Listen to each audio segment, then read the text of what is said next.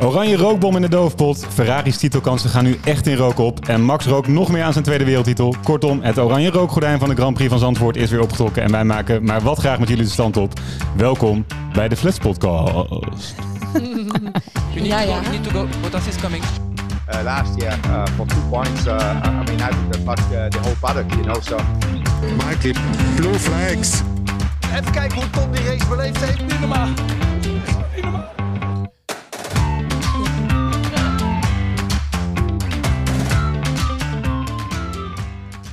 Ja, hallo allemaal en welkom bij alweer de zestiende aflevering van het tweede seizoen van de leukste Formule 1 podcast van Nederland. Waarin de amateuristische experts van de Flats podcast je bijpraten over de zin en vooral de onzin van de afgelopen Grand Prix. De Grand Prix van Zandvoort. Ja, en jullie horen het al jongens, eh, Bram is na zijn succesvolle circus act van vorige week op vakantie gegaan. En daarom ben ik, Peet, vandaag jullie host. En dat doe ik met Pien. Ja, hi. Hallo Pien, fijn dat je er bent. Eh, maar dat doe ik ook met een vandaag wel heel bijzondere gast, namelijk Iris Endhoven. Ja, dankjewel voor de uitnodiging. Wat leuk dat je er bent. Ja, ik ben er mijn stem inmiddels niet meer. Die ligt nog in Zandvoort. Net als mijn ziel. ja. Nee, maar mooi dat je bent. Welkom in de show en eh, leuk dat je wat tijd voor ons vrijmaakt. Ehm, want voor de mensen die jou misschien niet kennen, even een paar feitjes op een rijtje. Ik heb eh, mijn huiswerk gedaan, maar het werd, eh, het werd nogal een lijstje.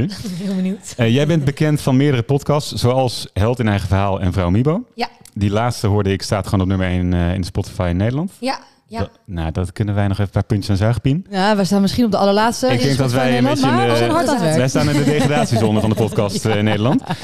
Eh, maar je was ook te zien bij eh, een NPO-serie genaamd Gevaarlijkste Wegen ter Wereld, zag ik. Jij Oh, ja. bent vanaf oktober te zien, dat is wel heel vet, in een special edition van Kamp van Koningsbrugge. Ja, dat, is, dat wordt ook echt heel gaaf. Ik En dat, ik was ongeveer halverwege mijn lijstje, want ik zie hier roodgippers bij Stuk TV. Ja. Je eigen Wikipedia-pagina zag ik gisteren, dat vind ik, dat vind ik heel persoonlijk heel Wist je vet. dat Heb ik dan? Nee. Ja, die heb je. Die heb Ik je. heb er ook nooit op gekeken. Staat er wat spannends op? Eh, nou ja, ik heb in ieder geval eh, gezien waar je, wat je er wel gestudeerd hebt bijvoorbeeld. Dat Maar- stond er allemaal bij. Waar ik heb gestudeerd. Ja, wat je hebt Ja. gestudeerd, onder Ja, andere. Dat Ja. is wel leuk, maar ik vraag me dan af wie zo'n Wikipedia-pagina maakt. Staat er dan ook echt early life en dan career en dan zo? Ja, ja, ja. Ik ga toch eens even Hij was, kijken of we Ja, check maar, check maar. Hij was, eh, fact-checking. hij was wat beknopt, misschien kun je hem zelf aanvullen. Ja, allemaal dingen over mezelf schrijven. ja, ja. Iris was uit. eh, Super talent en zo. Maar misschien het belangrijkste, en dan gaan we natuurlijk ook een beetje richting Formule 1 praten. Jij werkt bij Radio 538 Klopt. en jij hebt het hele weekend live radio mogen maken vanuit Zandvoort. Ja, klopt. Dus, ik, dus de studio van 538 heeft zich daarheen verplaatst. Op Ja. het, eh, op het Venterrein. Die zijn beide ook natuurlijk op Zandvoort geweest. Ja. Misschien hebben jullie dat gezien. Zeker. Ehm, dus eigenlijk werd het hele weekend vanuit Zandvoort radio gemaakt. Ja. Maar het was ook heel leuk, want tijdens de uitzending konden we ook lekker verslag doen. Een beetje tussen de, tussen de massa lopen. Ehm, en ik was zelf ook mee met Red Bull. Dus ik zat gewoon, nou ja, zoals je mijn stem hoort, het hele weekend was ik gewoon all in, zeg maar. Dus het was heel gezellig. En hoe, eh, hoe ja, dat is dat laatste natuurlijk ook wel gaaf. hè? Jij bent bij Red Bull, was jij te gast, special guest. Ja. Ik zag een foto van jou in de paddock, Ja, ook heel gaaf. Zo'n kippenvel momentje, vond ik hoor. Want, eh, wat heb je allemaal gezien? Heb jij nog, eh, mag je dan ook een paar coureurs spreken of eh, mensen in de, van de pitcrew? Nou, dat valt wel mee. Ehm, dat is sowieso een beetje in het raceweekend bijna niet mogelijk. Want die, ja, die gasten zijn zo druk. Dus als die al zeg maar mediamomentjes hebben, zijn dat wel een beetje met de, gewoon met de Viaplay, met, de, Ja. met ja, de mensen die er echt toe doen. Maar we mochten wel even zo even door de pitstraat lopen. En dan wa- was Perez nog eventjes ja, met iedereen daar over de auto aan het praten. En dan sta je er toch een beetje... Ja, wel, je staat ook wel een beetje henkerig, moet ik eerlijk zeggen. het voelt een beetje, zeg maar, op safari, zeg maar, over het circuit. En je ziet hem ook een beetje zo kijken van, er zijn weer mensen die langskomen. Ja, wij zijn, vinden het natuurlijk heel vet. Ja, gaaf dat je er was, ja. en heb je, nog, eh, zeg maar, heb je nog gekke dingen meegemaakt? Nou, het was... Kijk, ik sliep ook, zeg maar, naast het circuit. Ja, geweldig. Dus je had ook in de avond allemaal feestjes en op het strand. En ja, het is wel, eh, het was echt, ja, een soort van, het was echt een festival met een doel, voelde het. Van, we zijn wel echt iets aan het doen. Ja. We zijn elke dag ben ik aan het werk. En, maar in de avond waren het ja, gewoon gekke feestjes. en hoe vonden jullie het? Ja, wij, wij waren ook, hè, Pien? Jij, Ja. jij, daar zijn wat wenkbrauwtjes omhoog gegaan vorige week, want jij zei, ik ga klanten vermaken op zaterdag van eh, een van de makelaarbureau. Dat klonk Ja. nogal dubieus. Dat klinkt dubieus, ja. Nou, ik had eh, Hoe ging eh, dat? helemaal verhuld als makelaar in een, met een DRS-makelaarspetje en een eh, polo aan ben ik dus met haar mee naar binnen gegaan. Op een gegeven moment was de race, of was de kwalificatie was begonnen. En ik dacht, nu moet ik natuurlijk gewoon mijn moment of shine pakken, weet je wel. moet je laten zien wie Nou, zij vroegen natuurlijk allemaal vragen aan mij. En de eerste vraag die kwam was... hey, hoe weten we nou of het dit Max is? Van de twee auto's. Ja. Ik dit weet ik, dit weet ik. Echt een best wel basale vraag... die wij natuurlijk ook best wel vaak hebben besproken. En ik had het gewoon... Ik zei gewoon, ja, nee, de oudste coureur is de gele. met die T-bar. En de jongste coureur is eh, zonder dat gele. Het is gewoon andersom. Dat is net Dus ik- andersom. Ja. Het eerste stukje informatie dat ik die mensen heb gegeven was gewoon gelul. Dus mijn hele geloofwaardigheid was gewoon... de hele kaart niet meer waard gewoon. Dus op een gegeven moment zei ze, maar waarom juicht iedereen dan bij die zwarte auto en dan niet Ja. bij? Ik zei, dat moet een fout zijn. En toen op een gegeven moment zei ik zo... Ook de schuld niet bij jezelf zoeken. Ja, Ik denk dat het hele publiek het niet snapt. Nee. Dus ik zo stiekem googelen. Zo, oh, sorry. Kijk, ik heb het wel echt fout. Ik zo, eh, sorry, ja, foutje gemaakt. eh, ja, En een rectificatie. precies. Dus, ik had echt eh, precies zo'nzelfde moment. Wat ja. Ja, ik stond gisteren, ik was er gisteren op, eh, op de hoofdtribune. eh, via een partner van werk kon ik daar naartoe. En ik stond ook een beetje op te scheppen over die podcast natuurlijk. En voor ons was er, Formule 2 was bezig en er is een crash. En er komt een, eh, safety car situatie. En, eh, en die, eh, de man met wie ik sta te praten, die zegt... eh, eh, wat voor safety car is dit? Eh, want eh, ik zie ze... eh, is het virtual safety car, safety car? Ik zeg, ja, het is virtual safety car, denk ik. Want ik zie daar die, eh, de twee safety cars gewoon staan. Die staan nog in de pitstraat. En ik zeg nog tegen hem, zul je straks zien dat ze de hoek omkomen en er een safety car voor zit. En jawel, de eerstvolgende bocht komen ze de deur uit. En uiteraard een safety car voor de neus. Dus je moet oppassen met wat je zegt, eh Pien. Daar ben Ja, ik nee, dat heb ik, gekomen. heb ik maar, daar ben ik wel achter gekomen. Maar ja. weet je waar ik een beetje aan zat te denken, Pien? Jij bent natuurlijk Formule 1 fan. Ja. Maar is dat niet een beetje begonnen toen wij ooit hebben samengewoond? Ja, zeker. Toch? Ja, toen hadden we natuurlijk gewoon best wel weinig te doen. Dus toen... eh, Dat sowieso, behalve studeren. Dus dat was het beste leven ever.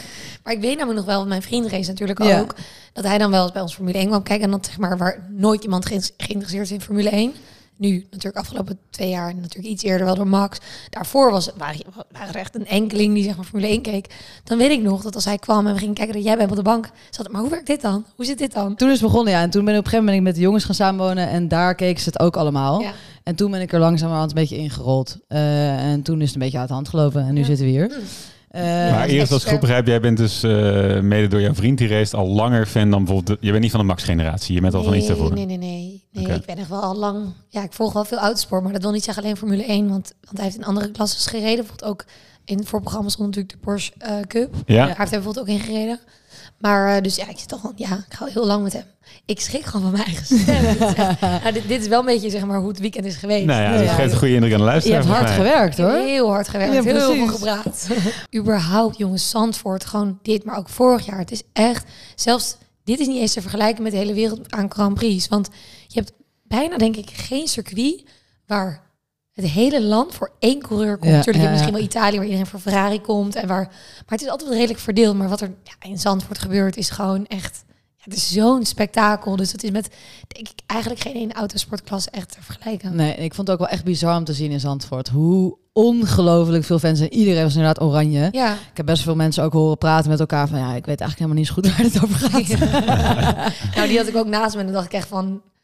Nou, die kaarten zijn met zo'n gewild. Ja, ja, precies. Dat dacht ik ook van. Volgens mij vinden wij dit leuker dan Ja, deze mensen die daar soms eh, in de dingen zitten. Ja, het voelt een beetje als een soort van nationaal feest. Ook, Ja. En ook alle, de hele sfeer eromheen. En ja, ik bedoel, heel Zandvoort staat sowieso op zijn kop met al die kroegjes. Ja, En zeker. iedereen leeft gewoon voor Max. En ik, ja, dat is toch wel heel uniek, vind Ja. ik hoor. En we willen misschien eh, niet te lang bij stilstaan. eh, zeker niet omdat de Grand Prix verder vlekkeloos verliep. Maar misschien toch heel even kort op zaterdag. Hè. Ehm, daar werd de kwalificatie wel tweemaal onderbroken door een oranje rookbom eh, die op het circuit werd gegooid. Pien, eh, Ja, ik was, daarbij. En, en, nee, nee, ik was het niet. Anders had ik hier En niet gezeten, maar in de bak.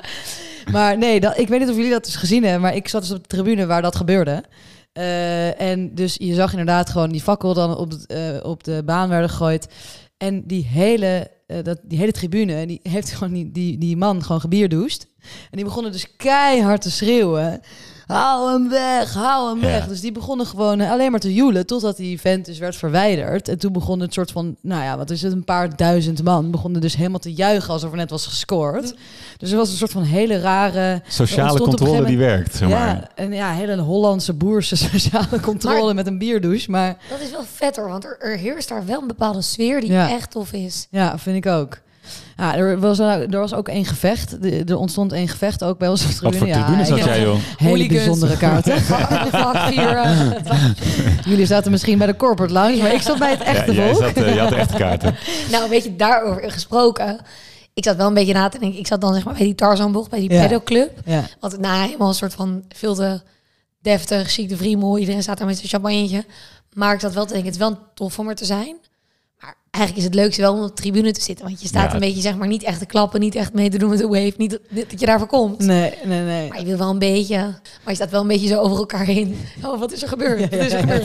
Dat je denkt, ja, kut. En er was ook niet echt lekker wifi dat ik zelf even de live timing kon checken. Nee, nee, nee. nee het scherm dat was ook klopt. net een beetje om de hoek. Eigenlijk helemaal geen goede kaarten. Ja, erover Volgend jaar weten we pedalkaarten moeten we... Kom gewoon bij mij zitten, bij het Precies.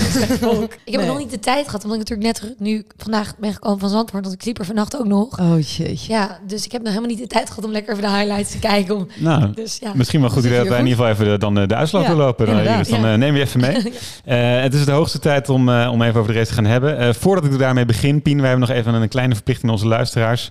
Eh, wij gaan deze uitzending, eh, ergens deze uitzending, ook de loting voor de gelukkige winnaars van het kartuitje bij het kartcentrum Lelystad bekendmaken. Nee. Dus eh, voor de mensen die zich hebben opgegeven, wacht tot aan het eind van deze uitzending en je hoort meer. Je hoort of je erbij bent. Eh, maar laten we lekker doorgaan naar de Grand Prix van Zandvoort. En dan gaan we door naar eh, de eerste coureur. Eh, wij behandelen eh, vier coureurs vandaag, hebben we afgesproken, Pien. Eh, Ja. Goed om in ieder geval nu een beetje de sfeer te hebben geproefd van wat er dit weekend gebeurd is. Maar de eerste coureur is wederom Max. En het begint bijna de normaalste zaak van de wereld te worden. Max pakt namelijk weer zijn tiende overwinning inderdaad van de 15 races van dit seizoen. Maar daar zag het aan het begin van het weekend nou niet bepaald naar uit. Max had vrijdag namelijk grote problemen met zijn versnellingsbak en kon verre van zijn gewenste programma afwerken tijdens de vrije trainingen. Het eh, team herstelde zich goed en Max Verstappen wist de pol te pakken. En zo begon eh, de race op zondag met Max vooraan. eh, maar met Ferraris en Mercedes eh, toch wel redelijk kort achter zich, die duidelijk sterker, sterker waren dan in Spa vorige week. En het werd uiteindelijk ook een beetje een race met twee gezichten. Want in het begin van de race domineerde Max en eh, reed hij weg bij de concurrentie. Maar in het tweede deel van de race moest de strategieafdeling van Red Bull toch wel aardig aan de bak. En het nodige anticipeerwerk doen. Eerst ging namelijk Mercedes ontzettend hard op die harde band. Ehm, en daarna was het natuurlijk een, eh, een aantal safety car situaties. En bij beide safety cars koos Red Bull voor een wisseling van banden. Eerst van medium naar hard en later weer van hard naar soft. En zo kon Max, die uiteindelijk achter Lewis terecht was gekomen bij die, eh, bij die tweede keer, op verse banden zijn koppositie terugpakken eh, na de race. En de race uitrijden voor zijn overwinning. En zijn tweede Grand Prix overwinning op rij in Zandvoort klonk vervolgens als volgt op de boordradio. For the second year running, here at Zandvoort, Max Verstappen wins the Dutch Grand Prix. Another majestic drive. Let's call it that today. Well done, Max. Yes. oh, they threw everything at us, but uh, we made the right call. So, very lovely result there, guys. Well done, mate. That was a mega drive. Difficult strategic race, but we made all the right calls. Well done, mate.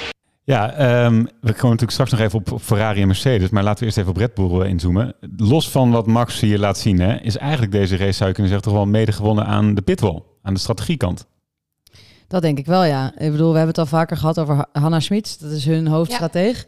Cool. Dan heb je toch twee vrouwen aan tafel. Ja, heel mooi. Ja, nee, dit is het moment. Vrouwen Ja. taking over. Precies, ja. Wat een gekheid. Nee, ja, dus ik denk het wel. Want er was natuurlijk gewoon twee onvoorziene omstandigheden die om hun oren werden geslingerd. En daar moet je wel goed mee omgaan. Ik bedoel, Max heeft wel ook geen enkele fout gemaakt. Hè? En die heeft gewoon altijd, is hij keihard door blijven rijden.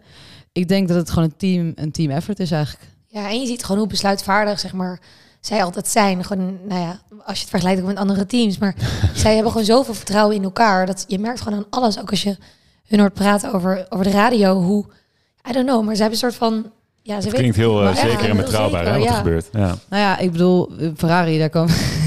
dat, zo. Onze favoriete Ja, ja, ja. item. Daar- dat is ons favoriete item natuurlijk. Die, kunnen dat, die, die, die coureurs kunnen dat team niet vertrouwen. En nu heb je dus ook gezien dat Mercedes heeft ook moeite met het team vertrouwen op bepaalde punten. Hè? Dat dus een coureur zelf aangeeft, ik wil dit. En bij Red Bull gebeurt dat gewoon Nee, niet. ze zijn gewoon één geoliede machine. Ja. Maar ik kan me ook voorstellen dat het zo frustrerend kan zijn als je aan het racen bent. En je moet zelf nog gaan nadenken over...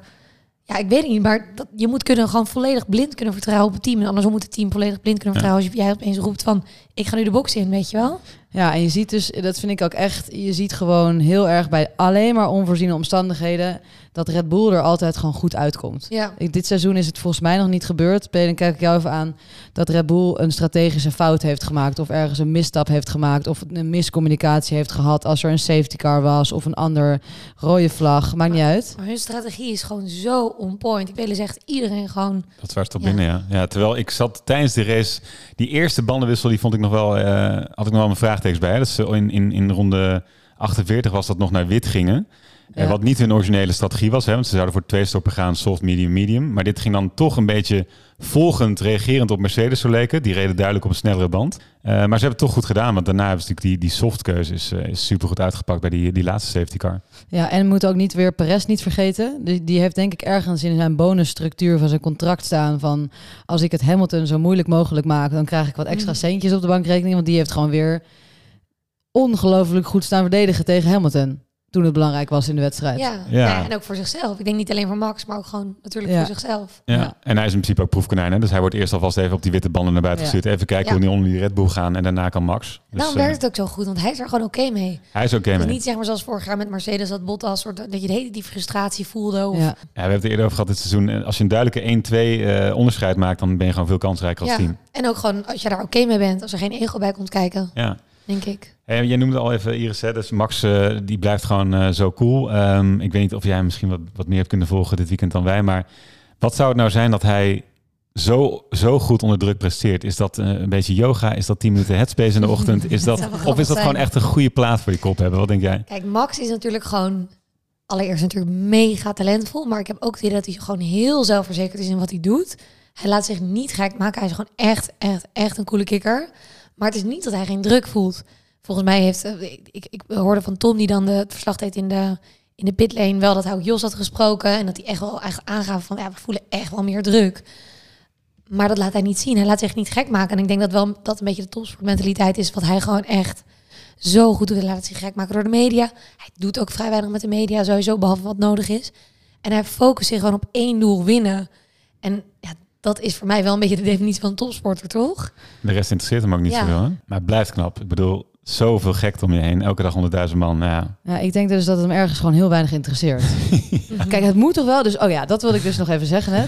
Eh, Zo'n podium, hè. Dus ik was heel erg op zoek naar een traantje, weet je wel? Net als zoals het- vorig jaar, maar dat was ook wel echt een, het, gewoon het videomoment van het jaar. Ja, ja. Een beetje de maxima traan tijdens dat huwelijk, Ja. weet je wel? Daar was je Ja. echt naar op zoek. Dus ik dacht echt, nou, het moet hem toch wel doen. Vorig jaar was het natuurlijk de eerste keer. Dus ik denk, nou, dit moet hij toch ook maar even... Ik zag een klein, heel klein twinkelingje je van dat? water in zijn Ja, ogen. dat dacht gezien? ik. Gisteren, ja? Vanaf de hooligan-tribune. Vanaf, nou, niet vanaf de hooligan-tribune, daar zag je heel weinig. Maar vanaf het tv-scherm dacht ik toch... En dan denk ik, oké, misschien moet hij dit moet hij dan wel echt mooi vinden. Maar dat is natuurlijk ook wel echt het toppunt. En daarnaast interesseert het hem volgens mij gewoon echt weinig. Ja, wat natuurlijk wel vet was, hè? hij was dit weekend wel een beetje bezig met het bedanken van zijn vader. Die helm eh, die hij Ja. had was eh, een, een helm, een replica van een helm eh, van zijn vader. Dus dat merkte hij wel dat hij daarmee bezig was. Maar ik denk nog steeds dat het meest emotievolle moment wat wij ooit van Max gaan zien is al geweest als vorig jaar Abu Dhabi. Dat, Ja. dat, dat Jos bij hem zit eh, na, die, na die Gra- Grand Prix Dat is nog daar. steeds de achtergrond van de telefoon van mijn vriend. Ja? Ah, ik vind dat zo'n prachtig moment. Omdat hij, hij, hij, hij kent Max Ja. natuurlijk ook van vroeger. En hij weet natuurlijk ook gewoon van hoe zij al gewoon met z'n tweeën en alles eromheen gewoon hun leven al gewoon toewijden aan de autosport. En dat dit dan gewoon het hoogst haalbaar is en dat het je gewoon lukt. Weet je wel, dat is gewoon, nou, dat is gewoon niet te bevatten. Nee, Dan echt zie je toch een beetje dat vader zo'n moment. En ja, dat is gewoon. Ja, dat zag je. Ja, ja, hij trok echt zo wit weg. Ik dacht dat hij, ik dacht Ja. dat hij op een gegeven moment aan het infuus moest op een gegeven Maar moment. nu is het dus eigenlijk best wel bizar wat jij zegt. Want hij was dus best wel nuchter. Dus waarschijnlijk is hij al bezig met het volgende record. Want hij is zo gefocust op de winst. ja. Dus voor hem is dit wel winst, maar het is onderdeel van een groter stukje winst, denk Ja. ik. En op deze manier is het gewoon eh, volle vaart vooruit eh, naar de tweede wereldtitel. Daar lijkt Ja. het wel op. Ja, En, en, eh, en, en meer wereldtitels. Ik denk dat zijn doel, als hij dit jaar weer wereldkampioen, tuurlijk dat het wel vet is, maar hij gaat dan niet meer zo geëmotioneerd raken. Ik denk dat hij dat pas weer wordt als hij een volgend record gaat verbreken. ja. Hij is gewoon zo verslaafd aan records verbreken. En wij zijn natuurlijk in Nederland ook echt obsessief bezig met Max. Hè. Dat zijn we echt niet met Ja. andere Nederlandse coureurs geweest. Dus hij heeft iets wat gewoon mensen vet vinden. Hij heeft inderdaad gewoon dat, ja, die dedication, dat, dat, dat ja, onverslaanbare. Hij is gewoon echt de definitie van een kampioen. Maar, en we hebben niet vaak in Nederland zo'n succesvolle coureur. Natuurlijk niet eerder zo'n succesvolle coureur gehad. Maar überhaupt sporters. We zijn natuurlijk zo'n klein landje. Ja, als dat eenmaal bij ons gebeurt, dat we Ja, meedoen op het eh, wereldtoneel. Ja, dan zijn we opeens heel nationalistisch, zijn we dan. Iedereen volgt opeens ook Ja, sport. ja. Wat heel leuk is hoor. Maar Hey, en over kampioenen jongen, gesproken jongens. Ik denk dat wij eh, door kunnen naar het volgende punt. En dat is volgens mij eh, naar P4 eh Pien eh, Lewis Hamilton. Mercedes die heeft ondanks het resultaat namelijk een heel, heel goed weekend gehad. De vrije trainingen waren sterk en de kwalificatie ook. Zonder de gele vlag had Lewis P1 of P2 gestaan misschien wel. Het moet natuurlijk wel gezegd worden, dit circuit is specifiek goed voor de Mercedes. En dat kan op andere circuits natuurlijk anders zijn dan dit weekend. Maar goed, ze roken winst. Dus ze dachten, we moeten even iets totaal anders gaan doen dan de anderen, want we hebben natuurlijk gewoon niet de snelste auto en we willen wel winnen. Dus wat deden ze? Ze startten als een van de weinigen op de mediumband en gingen voor de één-stop-strategie. Gewaagd en dat heeft ook deels eigenlijk heel goed uitgepakt. Ze waren op koers, ook nog toen de virtual safety car kwam. Eh, Max ging naar binnen en zij ook. 12 seconden achter Max met nog 20 rondes te gaan. En toen kwam de safety car. En daar gingen eigenlijk een aantal dingen mis. Daar is het verschil gebleken tussen een Russell en tussen een Hamilton in zo'n race. En wat gebeurde er nou? Hamiltons team, die heeft het overgelaten aan zijn team. Die waren toch een beetje verblind op die winst. Eh, het was waarschijnlijk een van de weinige circuits dat ze nog konden winnen. Hamilton heeft natuurlijk een record te behouden. Hè. Elk seizoen heeft hij een race gewonnen. En dat heeft hij dit Ja. jaar nog niet gedaan. Dus die dachten, oké, wij staan nu op een medium band. We staan voor Verstappen. We gaan, gewoon, we gaan gewoon alles maar proberen. En we blijven op die oude medium band staan. Russell stond daarachter en die dacht, ik kies eieren voor mijn geld. Dus die heeft zelf zijn team gevraagd van... hey, ik wil die rode zachte band hebben om die herstart mee in te gaan. Nou, wat gebeurde er? Die herstart kwam. Hamilton werd natuurlijk gewoon meteen opgevroten door mensen op de nieuwe zachte band. Eh, eerst Max, toen Russell, maar toen ook Leclerc. En mensen vergeten soms dat Mercedes helemaal niet voor de winst aan het strijden is dit seizoen. En ik denk dat ze dat in de- deze race ook zijn vergeten. Want zij zijn gewoon met Ferrari aan het strijden om de derde plek. Ehm, en omdat ze dat uit het oog hebben verloren, is mijn mening deze race, hebben ze dus een onnodig risico genomen door dus niet naar die zachte band te gaan. En hebben ze dus, zijn ze dus op P4 geëindigd. Terwijl ze gewoon heel makkelijk op P2 en P3 konden eindigen deze race. Ik denk niet dat als hij op de zachte band was gebleven of ge- gewisseld, dat hij dan Max had ingehaald. Ik denk dat Max sowieso had gewonnen. Maar goed, Hamilton heeft gewoon een beslissing voor zichzelf gemaakt, in ieder geval zijn team. En Russell heeft eigen voor zijn geld gekozen. En dan zie je dus, zo'n Russell, die is gewoon het hele seizoen zo ongelooflijk consistent, dat hij gewoon nu derde staat, 13 punten achter Perez in de derde auto Ja, van het zeker. veld. Ja, heel Ehm, knap hoor van Russell. Heel knap. Ja. En nou goed, Mercedes, die was natuurlijk, Lewis Hamilton was natuurlijk ongelooflijk boos op zijn teamradio. Eh, en die dacht echt, jullie hebben me allemaal genaaid. Na de race had hij even wat tijd om te reflecteren. En ik denk dat hij dit ook wel heeft ingezien, want hij was een stuk reflectiever eh, toen hij zijn interview afnam. I feel okay now. Going through the race and getting on the one stop and really challenging, think we're going to fight for this win. I really, really thought we we were going to be there fighting for this win. And then the safety car came out, completely screwed us. No matter how good or bad a restart I get, I won't be able to hold these guys up, uh, uh, keep them behind. And then to see it slip through my fingers, it was there was such an outburst of emotions. Apologies to my team for that, but that's just sometimes how it goes. And Dus hier zie je alweer dat hij een stuk eh, heeft kunnen nadenken. Hij heeft gewoon sorry gezegd tegen zijn team. Nou, het was natuurlijk gewoon emotie in heel veel sport, dat begrijp ik. Mijn vraag aan jullie is eigenlijk: vinden jullie het logisch dat hij dan zo'n groot risico heeft genomen? Of denk je van je had gewoon even op Ferrari moeten focussen, eh, want daar ben je het hele seizoen al mee bezig? Nou ja, ik denk dat je wel voor de winst moet gaan. Dus ik vind het, ik begrijp wat je zegt, maar ik geloof ook wel weer in die mentaliteit om altijd te strijden voor de nummer 1, omdat anders gaat de nummer 2 of 3 ook niet komen, weet je. Want Het, het wordt als fout bestempeld, hè? De, de keuze van eh, Mercedes om, om Hamilton niet op soft te zetten. Ik denk dat dat, eh, dat dat waar is. En er wordt een vergel- vergelijking gemaakt met vorig jaar Abu Dhabi. Ja. Dus ik denk dat hij ook in die koppositie die hij toen had, eh, op dat moment, hij reed als eerste die pitstraat in, nou, dat hij, hij had offensief kunnen gaan wisselen. Dus als hij naar softs was gegaan op dat moment, ehm, waren, waren er twee scenario's geweest. Eén, zijn concurrenten achter zich gaan ook naar softs en dan blijft hij op één.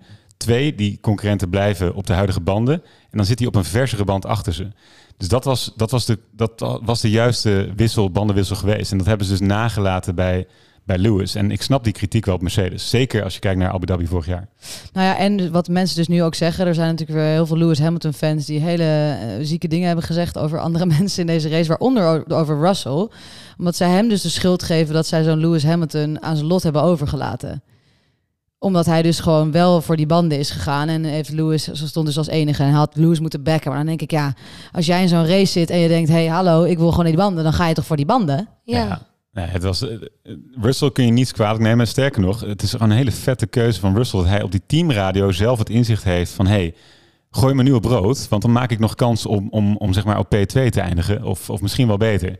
En dat is gewoon, vind ik, talent van Russell. Dat hij op, op deze leeftijd dit soort strategische calls durf durft te ma- maken. Ja. En eh, dus, dus helemaal geen kritiek op Russell. Ik vind dat echt hoogst onterecht. Ja, en ik vind Hamilton soms wel een beetje jankert in dat opzicht. Want Ja. kom op, weet je wel? Helemaal het was wel een eens. vak van het Mercedes-team, tuurlijk. Maar door. Nou, dat is denk ik ook echt de reden dat zo'n Russell gewoon derde staat in het kampioenschap. Ja. En we hebben de boordradio even eh, daar gelaten. Hè? Maar hij ging inderdaad, hij was ook best wel een beetje uh, upset. Ja. Hij, was, was, eh, hij liet zichzelf wel echt even kennen op de radio. Dat was zelfs op het circuit hoorbaar, want die radio's worden ook afgespeeld. Maar eh, het was echt even, eh, niet even de gentleman Lewis Hamilton die we kennen op de teamradio? Nou, ik heb het dus niet gehoord, want eh, ik hoorde het niet zo heel goed op het circuit. De radio is wat ik altijd het leukste stuk aan de race vind om een beetje die insights te krijgen. Was een beetje iets wordt geschreeuwd of zo. Maar ehm, ja, dat is het enige jammere als je de race op het circuit kijkt. Thuis kan je alles even rustig volgen en dan op het moment dat er zeg maar de radio komt, is gelijk sst, iedereen stil en wil het horen. Ja. Hier mis je dat soort kleine dingen natuurlijk wel een beetje. Ja, nou, ik kan je een kleine samenvatting geven. We hebben bijna niks gehoord omdat het alleen maar piepjes waren. dus dat is wel maar goed. Maar goed, ja, ik vond het interessant om te zien. Zo'n Russell, ik vind het echt wel heel cool wat hij doet. En zeker omdat hij pas één jaar bij Mercedes zit. eh, en dit soort dingen allemaal al zelf doet. En hij doet het gewoon beter dan Lewis Hamilton dit hele seizoen. Dat is gewoon een feit. Ja, en, en Mercedes blijft doorkrabbelen richting Ferrari. Hè? Ehm, dus dat is gewoon eh, goed voor, voor de sport, voor de top drie. Ehm, Ze staan, wij hebben aan het begin van het seizoen hebben we gezegd ehm, dat Mercedes een beetje puntensnibbelaartjes zijn. Dus een beetje de Ja. kruimeldieven. En je Ja. ziet dus dat ze nu nog maar 30 punten achter Ferrari staan. Dus Ja. als de Ferrari het blijft opfokken, dan is er gewoon een kans dat Mercedes... Ferrari maakt gewoon te veel fouten. Ja. Oké, maar dat is als team 30 punten verschil. Maar als, van de rijder Max is het nog al 109 punten verschil. Ja. Hè? Ja. Klopt. Dat is klopt. insane. Ja, en Russell, interessant wel, hè, die kan nog eh, P2 worden in 2K. Die heeft op zich nog, nog, nog zicht op, op Perez en Leclerc. Ja, die, die- staat 13 punten achter Perez. Dus, Dus dat, eh, dat kan prima in die zeven races die we nog hebben. Ja. Ja. Kan veel gebeuren. Zeker. Hey, en dan gaan we daarmee even verder naar eh, de volgende rubriek. En dat is de rubriek eh, Buiten de Baan. Can you stay out on this condition? Can you stay out? Ja, we zijn halverwege onze punten, dus we gaan even naar de rubriek Buiten de Baan... waarin Pien wat opvallende F1 eh, Formule 1 momenten meeneemt die buiten de baan eh, plaatsgevonden. Pien, Ja, je gaat dus denken, gaat ze nou weer dan de soapserie doen? Want eh, we hebben allemaal geleerd, je moet nooit een sequel doen op je succesformules. maar we gaan het toch weer doen, want er is zoveel gebeurd. doe maar. Zet hem erin. Ge- genieten. De tijd van onbezorgdheid is voorbij. Het fiasco. Piastri was met Alpine, maar ging ook met McLaren. Beide claimden recht te hebben op hem, maar wie had gelijk? Wat hieruit zou komen, zou de domino-steen zijn die de toekomst van de rest van de coureurs zou kunnen bepalen. En dan vandaag. Het Contract Recognitions Board, ook wel de rijdende rechter genoemd, heeft besloten. Het enige contract dat geldig is, is tussen Piastri en McLaren. Hij mag scheiden van Alpine en naar zijn nieuwe vlam McLaren gaan, is een feit. En Alpine is een sjaak. Want niet alleen hebben ze het verpest door twee goede coureurs te laten gaan, maar ook moeten ze aan Piastri 120.000 euro betalen en 300.000 euro betalen aan McLaren voor het dekken van hun advocaatkosten. Is Alpine dan dom? Ja. Is McLaren heilig? Nee. Het contract was namelijk op 4 juli getekend tussen Piastri en McLaren, terwijl Ricciardo op 13 juli nog een statement naar buiten heeft gebracht dat hij committed is aan McLaren tot eind volgend jaar. En 24 augustus kwam pas het nieuws naar buiten dat hij wegging daar. Is hij eventjes heel hard gepiepeld door zijn team- mensen bij McLaren? Dat denk ik wel. Wat betekent dit voor de rest van de inwoners van Peddokdijk? Namelijk, eh, Alpine die moet dus op zoek naar een nieuwe liefde, want die hebben een leeg stoeltje. En die hebben ze gevonden in Gasly. Een Franse man in een, voor een Frans team met een Frans teamgenoot, die hij overigens het daglicht niet kan gunnen. Want die kennen elkaar van vroeger en die vinden elkaar helemaal niks. Een Franse droom zou je denken. Maar wat blijkt nou? Ook dit is misschien een verboden liefde. Want Gasly mag alleen naar Alpine als zijn vervanger rond is bij Alfa Tauri. En dat is nog niet zo makkelijk als je denkt. Want dat is Colton Herta, een coureur uit de IndyCar. Hij heeft namelijk nog geen superlicentie. En dat heb je nodig om in de Formule 1 te kunnen rijden. Gaat hij dat waarschijnlijk krijgen dit jaar? Dat denk ik ook niet. Dus wat moet de FIA dan doen? Die moeten een uitzondering voor hem gaan maken. En dan denk je, ik snap het niet helemaal. Want er zijn toch heel veel coureurs die wel een superlicentie hebben. Waarom ga je dan zoveel moeite doen voor een of andere no-name uit de IndyCar? Hij is Amerikaans. En een Amerikaanse coureur is heel goed voor de centjes. Het laatste nieuws uit Paddockdijk eh is dat er een video is uitgelekt... waar Ricciardo tegen Perez zegt dat hij een jaartje ertussenuit gaat. Ik zag het, ja. En eh, dat hij het jaar daarna weer terugkomt in de Formule 1. Ehm, dus dat is nog niet officieel naar buiten. Eh, maar hij gaat dus weg. Eh, en dat betekent dat er nog een aantal coureurs zijn die nog niet bevestigd zijn, waaronder Schumacher. En dat gaan we volgende week zien, denk ik. Wat een juice. Wat een Heel veel juice. juice, Je hè? kan hier echt een hele podcastaflevering aan wijden. Ja, nou, nou, ja, zeker ja. deze week. Ja. Maar wat me wel opvalt, hè, Ricciardo... Ik zag dat fragment ook, dus hij zegt vrij duidelijk, zonder dat hij weet dat er een camera achter hem loopt, tegen Perez van inderdaad, ik, eh, ik stap er een jaartje uit en kom dan weer terug. Mhm. Ja. Dat klinkt wel vrij zeker van zijn zaak en dat hoop ik dan maar. Want als hij niet zeker van zijn zaak is, vind ik dat echt wel een groot risico. Want een jaar eruit stappen. Ik heb, oké, Rijkoon heeft volgens mij gedaan, maar die ging wel ergens anders rijden. Misschien dat hij dat wil doen. Hè? Ricciardo le- schijnt Amerika vet te vinden. Misschien kan hij daar de IndyCar doen. Ja. Who knows? Maar anders zou ik het best wel een groot risico vinden als hij nog niet wat voorzichtige afspraken heeft gemaakt met. Want uit het oog, uit het hart zou je kunnen zeggen ook in de Formule 1 wereld. Hè? Nee, je bent zo goed als je laatste race. Dus als jij een jaar eruit hebt gelegen, dan ja, Ja. waar liggen de verwachtingen dan? Ik weet het ook niet. Maar en hij zegt dus dan kom ik terug. Dus het lijkt een beetje alsof hij dan eh, al eh, afspraken heeft gemaakt met een ander team dat hij dan in Ja. 2024 daar gaat racen. Wat ik wel echt smullen zou vinden, jij noemde het net al, is als, die, eh, als we nou echt twee Fransen bij elkaar hebben die elkaar niet mogen, dat vind ik dan ook wel weer mooi. Ja, dat is toch heerlijk. Gasly en Ja. Ocon gewoon lekker Frans gezeik. Formule 1, het is ook altijd een lekker een beetje een soort van GTS-soap. Zo, zo precies als jij het nu zegt. Er gebeurt zoveel wat niet kan. Het is cool op de molen van Maar Pien. het kan echt Ja. niet. Het is, het is heerlijk genieten voor mij natuurlijk. Maar het kan, het, zeg maar, wat zo'n McLaren natuurlijk heeft gedaan met zo'n Ricciardo is natuurlijk ongelooflijk. Hè? Die, die denkt dus gewoon dat hij nog gaat rijden voor McLaren. Terwijl McLaren achter zijn rug om, dat zijn de mensen die je dus moet vertrouwen daar. Die hebben gewoon al dat contract getekend met iemand die jou gaat vervangen. Ja, maar met dit soort kennis denk ik, in Alpine is toch ook veel te opportunistisch en naïef en een beetje, beetje arrogant geweest om te denken dat dit wel goed zou komen. Ja, die, die hadden namelijk hem als reservecoureur en die konden hem gewoon verlengen. Maar ze hebben dus ten eerste hebben ze die deadline gemist omdat ze dus nog zo lang bezig waren met het warm houden van Fernando Alonso. Want ze kregen die voorwaarden niet rond. Toen dacht Alonso, ik ga gewoon naar een ander team. Want die bieden me iets veel beters. Dus ze hebben gewoon door hun eigen onkunde... hebben ze eigenlijk... Ze hadden een luxe probleem. Namelijk twee coureurs voor één zitje. En toen hadden ze opeens... zijn ze gewoon allebei Ja. er vandoor gegaan. Dus Ze het is gewoon... veel te opportunistisch gehandeld. Ja. Hey, en eh Pien, jij noemde hem al even Colton Herta, een Amerikaan. Eh, en dat hij nog geen Super licentie heeft, dat is eh, natuurlijk even mooi voor, eh, voor de volgende rubriek, de lekenvraag. Uh, Michael, I just send you an email um, with the diagrams where the car should be. Did you receive that? Uh, yeah, then you should maybe look at this because there is something with the rules coming up.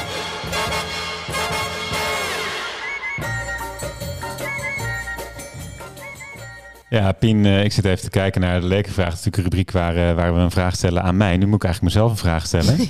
Ja, ik ga het niet doen hoor. Beetje ongemakkelijk.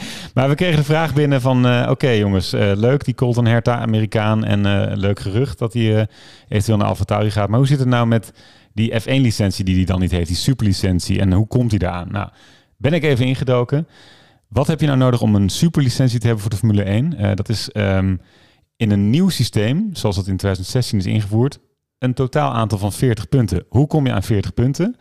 Eh, een beetje, dat is als volgt. Door één van de lagere autoklasses bijvoorbeeld te, winnen, Formule 2, Formule 3, maar ook IndyCar, dat levert je gelijk 40 punten op, ben je gelijk klaar. Maar wat is nou het verschil tussen Formule 2 en Formule 3, waar eigenlijk een voordeel is, en de IndyCar, is dat daarna die puntenaantallen heel sterk afnemen met de prestatie die je levert. Dus als jij bijvoorbeeld vijfde wordt als eh, wereldkampioen Formule 2, krijg je 20 punten, ben je halverwege.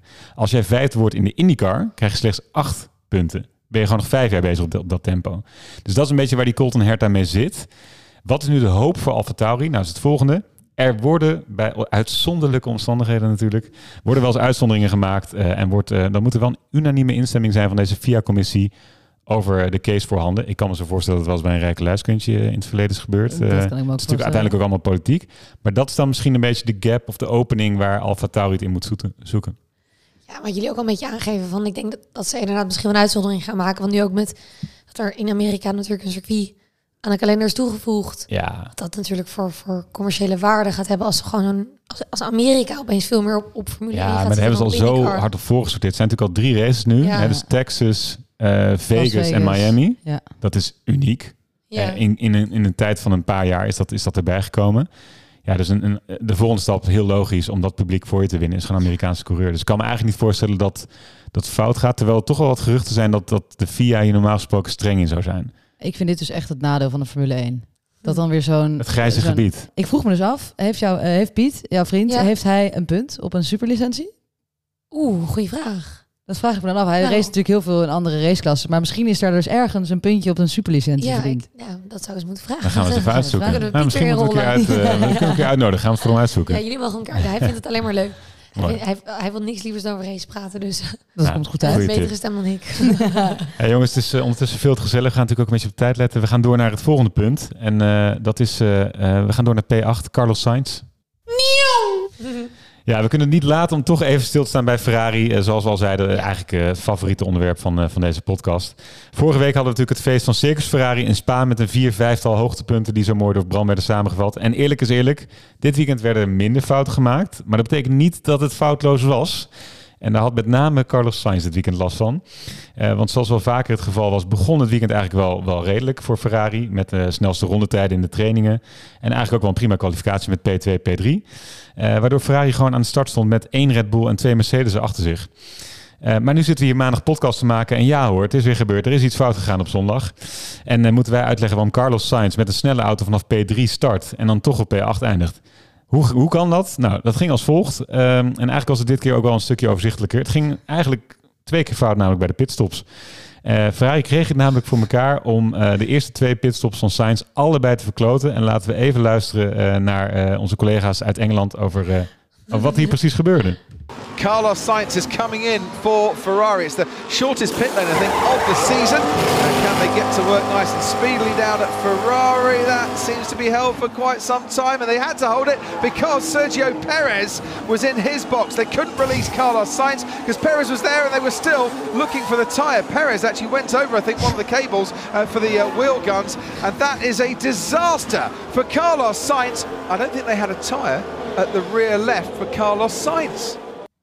Ja, dus wat gebeurt hier? Even naast het feit dat Perez over een wheelgun van Ferrari rijdt en die kapot rijdt. Sainz komt in ronde 15 naar binnen voor medium banden. Zijn pitcrew staat keurig netjes klaar met, jawel, drie banden in plaats van vier. En op beelden kun je zien dat er een monteur vanuit de garage nog aan moet komen rennen met die vierde band. En dat kost dus een, een, eh, 10 seconden extra bij Sainz. Die gaat dus van een pitstop van 2,5 seconden naar 12,5 seconden. En eh, luister even mee naar eh, de reactie van, eh van Sainz zelf, terwijl hij zijn pitstop voor zijn neus in het water ziet vallen. Dan zit je daar te wachten. Dat is- lijkt me het Ja, nou, het klonk, klonk een beetje als volgt.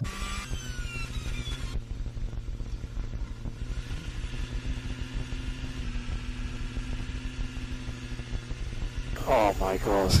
Ja. Ja, ja, dat is echt wel genoeg. daar zit je dan. Dat zijn oh tien lange my seconden, God. denk ik. Maar daar merk je dus weer hoe niet in sync dat op dit moment gaat, toch? Met die oh my god, het voelt als een soort van gasten. Really? ja, really. Maar er zit ook een bijna een klein beetje bezinning in, want het is natuurlijk niet de eerste keer. Want, Nee, daarom. want als het de eerste keer is, dan zit je op eh, volume 200 dB en dan Ja, is het, eh, what is going on hier? En nu is van, gaan we weer. Maar hoe kan je zeg maar bij een pitstop met drie banden aankomen? er is Nou. één persoon verantwoordelijk voor elke band, hè? Ja. Waar was hij? Was hij op de wc? Lekker, lekker piet, een pizzaatje aan het eten. lekker pastaatje. Ja, het is ongetwijfeld een keer eerder gebeurd. De verklaring weten we natuurlijk niet, maar eh, er heeft één iemand eh, een serieus fout gemaakt, wederom. En iemand anders is zijn wheelgun kwijt. Maar ja, dat ook nog. Die inderdaad. Maar dit, is, dit was toch gewoon weer de meest Ferrari pitstop die je ooit Maar hebt zou die gezien. dan worden ontslagen, denken jullie? Nou, dat is waar we het Ja. laatst een beetje over hadden. hè, Dat Binotto eigenlijk nog redelijk rustig blijft. Grijpt bijna niet in. Is, eh, eh, is heel mild richting zijn team. Maar hij heeft nu eigenlijk voor het eerst na de race eh, van zich laten horen. En hij heeft nu gezegd, let op, er is iets dat we moeten aanpakken. Maar Eh, wat is nog een beetje onduidelijk. Maar eh, nou, nee, goed, er er lijken nu wel een soort van eerste tekenen dat hier wat koppen gaan rollen. Het probleem is dus natuurlijk, denk ik, dat zo'n Binotto die mensen dus niet ontslaat. Ja. Dus hij is gewoon niet echt een harde leider die Ferrari in het verleden natuurlijk wel heeft gehad. En dat zorgt ervoor, denk ik, dat deze fouten blijven gebeuren. Ja. Als zo iemand zo'n fout maakt, dan zeg je gewoon, joh, jij gaat eventjes weer heel lekker terug naar die fabriek en jij gaat even een paar maanden weer daar werken, bezinnen. Of ze moeten gewoon in ieder geval blijven oefenen met die pitstops. Zo'n Binotto laat dit allemaal, wat hij ook weer heeft gezegd in een interview na deze race. Hij zei, eh, ik maak me minder zorgen om die fouten die zijn gemaakt bij die pitstop dan over de snelheid die we dan hadden vandaag in de race. Op zich snap ik dat wel ergens, maar zeg dan ook gewoon, het was echt een ongelofelijke rotzooi. Laten we dit eventjes nooit meer gaan doen met z'n allen. Ja. Ja, de Nee, maar ik snap het niet, want er zijn te veel foutjes gemaakt. En die, die foutjes zijn in de Formule 1 gewoon cruciaal. Dus ehm, bij elke andere branche en baan had ik gezegd... nee, je geeft mensen een tweede kans. Maar Formule 1 is het, het is allemaal zo nauw... dat ik denk, ja, Zeker. En-. Het is in een paar eh, gevallen ook al, denk ik, de vierde of vijfde kans die mensen krijgen. Ja. Maar en er en- waren, eh, misschien, er waren nog wel, wel twee momentjes hè, voor Sainz. Dus er is nog een pitstop geweest waar hij een unsafe release had. En in principe is dat ook een communicatieteam die jou moet behoeden om eh, de deur uit te sturen, zeg maar, je pit uit te sturen, de pitlane op. Want nu knalde hij bijna op Alonso. Dus dat heeft hem uiteindelijk vijf seconden straf gekost. Waardoor hij van P5 naar P, eh, P8 ging en daar eindigde. En hij heeft ook nog eens ingehaald onder een gele vlag. Ook dat nog eens. Ja. Dus ook dat is iets wat je radio engineer eigenlijk moet vertellen. Hij haalt dus Ocon op dat moment in. Op het punt waar Bottas ongeveer eh stilstaat. Best wel een gevaarlijk moment. En dat is ook, Mhm. ook dat is niet goed gecommuniceerd. Maar dit, Communicatie, jongens, is key. communicatie, communicatie. Hoe vaak moet ik het nog zeggen? Maar dit is toch als, zeg maar, oké, volgende week zijn ze dus in Italië. ik heb hier dus heel veel zin in. Ja, het zit er weer zo. Want volgende week wordt hun thuisrace. Hè? Hun thuisrace gaat eigenlijk altijd fout.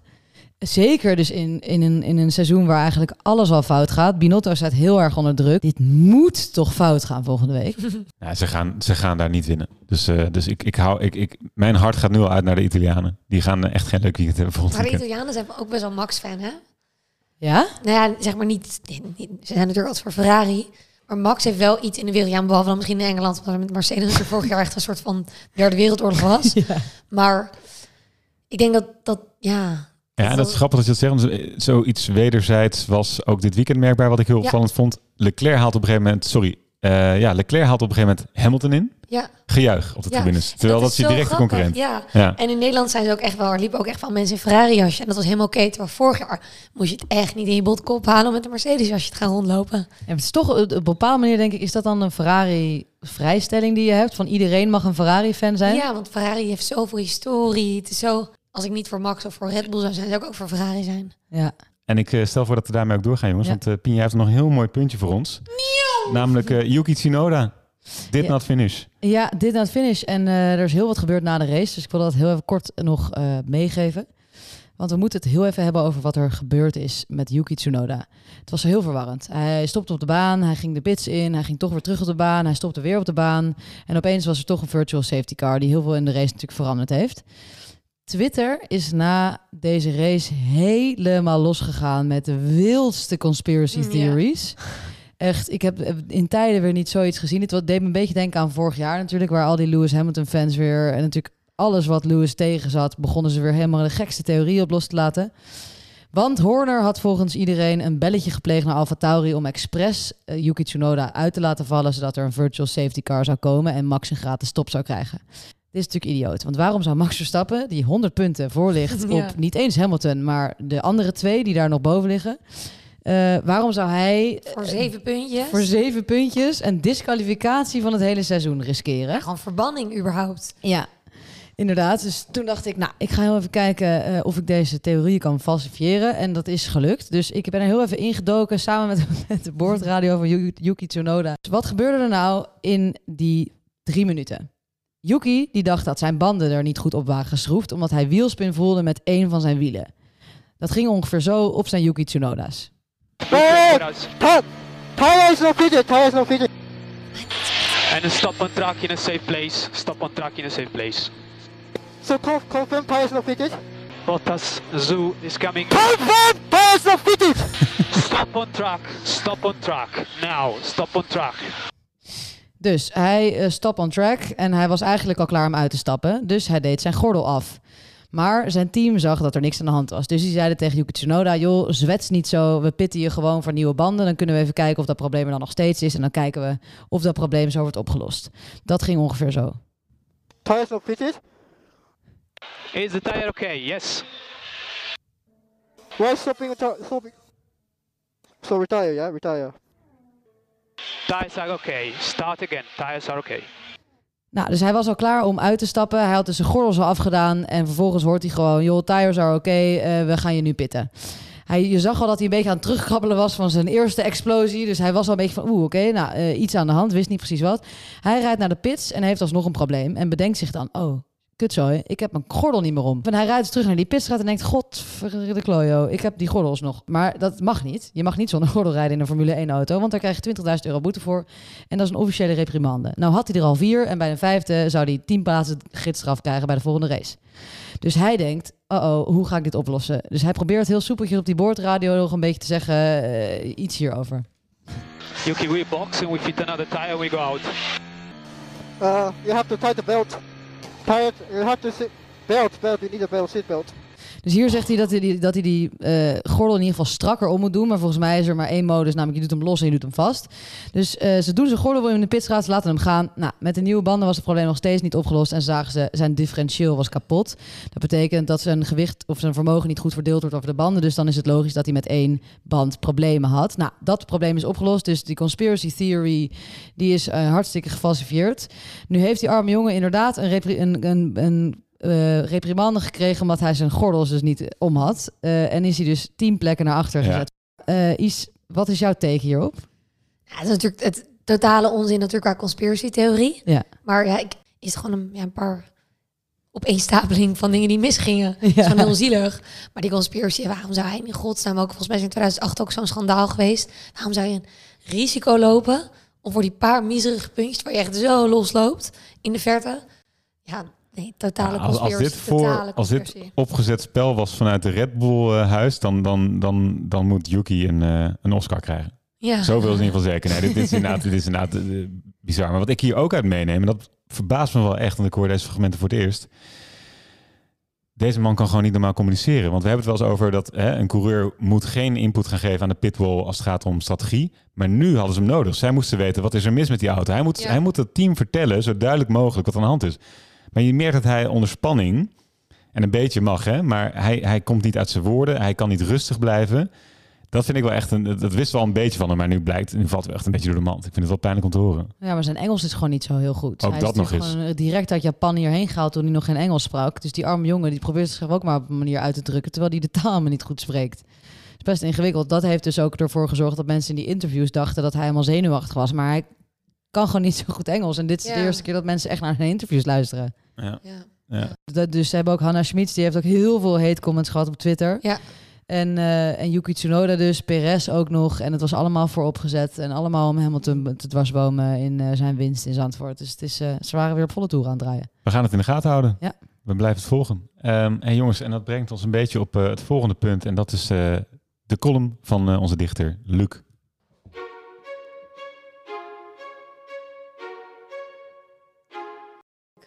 Fernando made it pretty clear. He said you have to leave the space. All the time you have to leave the space. Yes.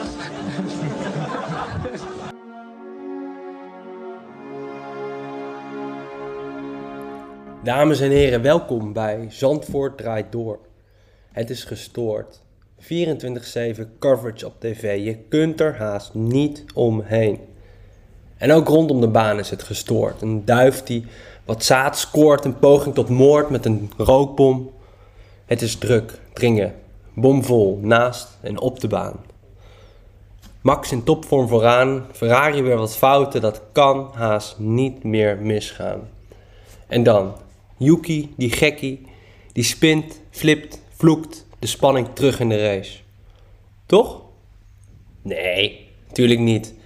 Max op rood geeft het gaspedaal een stoot en schiet snel langs Lewis, pakt de winst. Kat in het bakje, simpelweg een klassebak. En omdat het kan, als laatste nog een noot om over na te denken. Want met alle CO2 die ze nemen, vraag ik me af wat ze Zandvoort schenken. Want asfalt op een plek als Zandvoort, is dat op zichzelf niet al gestoord? Iets om, eh, om even mee naar huis te nemen, denk ik, die laatste overweging. Eh, en we kijken vooruit naar de laatste aflevering van de Triple Header. Dat is volgend, eh, volgend weekend in eh, Monza, Italië. Ehm, wat kunnen we verwachten? Je vraagt het altijd, maar ik, je weet het. Zal ik het zelf gewoon even voorzet doen? nee, maar we hebben dit denk ik tot, tot begin dit seizoen nooit kunnen denken dat ik dit zou zeggen. Maar dit is nu echt een Red Bull circuit geworden. De Temple of Speed. ehm, en Red Bull heeft gewoon, eh, weten we, dit jaar de hoogste topsnelheid. Dus in tegenstelling tot Mercedes of Ferrari vroeger... heeft Red Bull hier nu de beste papieren. De grap is ook dat Max heeft aangegeven, gisteren na de race... dat eigenlijk Zandvoort de grootste zorgenkindje eigenlijk was bij Red Bull. Eh, en dat ze nu geen zwa- zwakte meer zien op de kalender. Dus ook in Italië niet. En daarom hou ik mijn hart vast voor al de tifosi die eh, Ferrari komen aanmoedigen. Want het lijkt weer niet te gaan lukken. Weer geen Ferrari-winnaar in Italië. Wat ook misschien wel interessant is om in de gaten te houden. Williams, daarvan weten we, hebben hoge topsnelheid. Dus misschien punten voor Albon. Misschien voor Latifi. Nee, ik denk toch wel echt Albon. En eh, weet u nog, eh, ja, vorig jaar, misschien even een klein terugblikje. Dat was die 1-2 van McLaren. Dat was ook op Monza vorig jaar. Dus Ricciardo met de racewinst en Norris daarachter. Ik denk dat dat ook de laatste keer is dat we Ricciardo eh, uit zijn schoen champagne zagen drinken. Ik wil wel nog. Ik heb trouwens nog een mooi feitje van afgelopen weekend.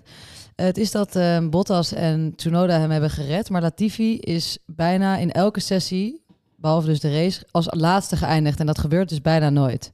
Ook een dat een coureur, record. ja, dus hij heeft dus het allerslechtste record verbroken dat je maar kon bedenken. Dus zonder uitvallers erbij is hij dus elke sessie als laatste eh, geëindigd. En dat gebeurt dus eigenlijk bijna nooit. Vind ik lijp. Nou, dat, ik denk dat dat Ja. een van de laatste hoofdstukken wordt van Silly Season dit jaar. Is toch inderdaad, hoop ik wel, het persbericht dat die man eh, zijn stoeltje mag opgeven. En dan rest ons nog één ding en dat is de loting voor de winnaars van de karttickets voor 25 september. Hoe zat het ook weer? Nou, vorige week hebben wij onze samenwerking met Kartcentrum Lelystad gelanceerd en daagden we jullie uit om Bram, Pien en mij te komen verslaan tijdens een heuse kartwedstrijd op de buitenbaan van Kartcentrum Lelystad op zaterdag 25 september. Vervolgens heeft Pien afgelopen week een post geplaatst op ons Instagram-account en de mensen die erop gereageerd hebben, die maken kans op dit nu al legendarische uitje.